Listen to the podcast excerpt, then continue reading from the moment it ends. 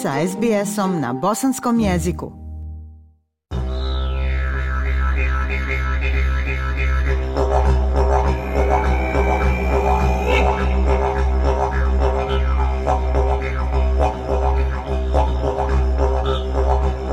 Slušate SBS program na bosanskom jeziku.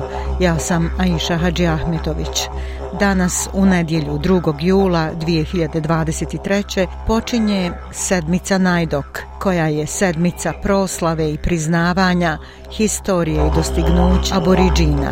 Održava se svake godine početkom jula i odlična je prilika za sve Australce da nauče nešto o prvim ljudima Australije. Prilog Šarke Pehove, Kerili Harding i Lovane Grant. Najdok proslave počinjale su svake godine dodjelom nagrada. Ove godine finalisti nagrade Najdok Week izabrani su između dvije stotine nominovanih iz cijele zemlje.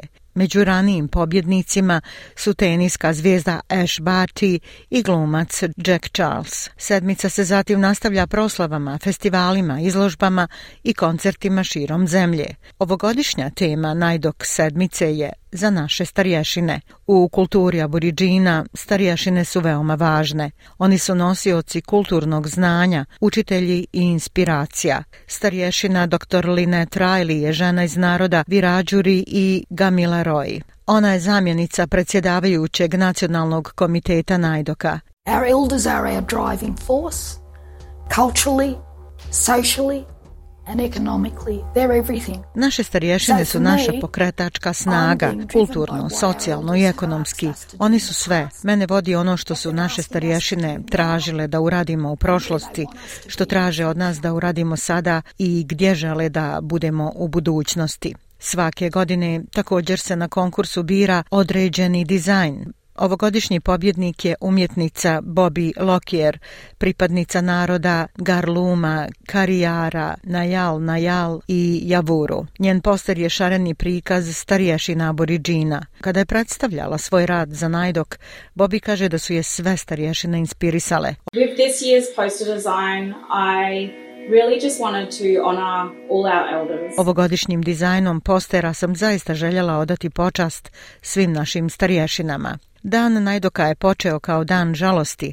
prije nego što je postao proslava. Počele su ga 1920-ih dvije aktivističke grupe koje su održale protest protiv Dana Australije. Do 40-ih godina dan žalosti se održavao dan prije Dana Australije a nakon toga premješten je na jul, a ime je također promijenjeno. Dr. Matilda Haos je starješina naroda Ngambri Virađuri, koja je posvetila svoj život borbi za socijalnu pravdu za autohtone stanovnike Australije. Ona se prisjeća početaka najdoka. I've been around since the year dot, so I know and understand how, how we were Prisutna sam od samih početaka, tako da znam i razumijem kako smo se kao aboriđini borili. Tada se to samo nazivao dan aboriđina i to su bila vremena prave borbe. Matilda kaže da se od tada mnogo toga promijenilo. 1955. dan aboriđina je premješten na prvu nedjelju u julu.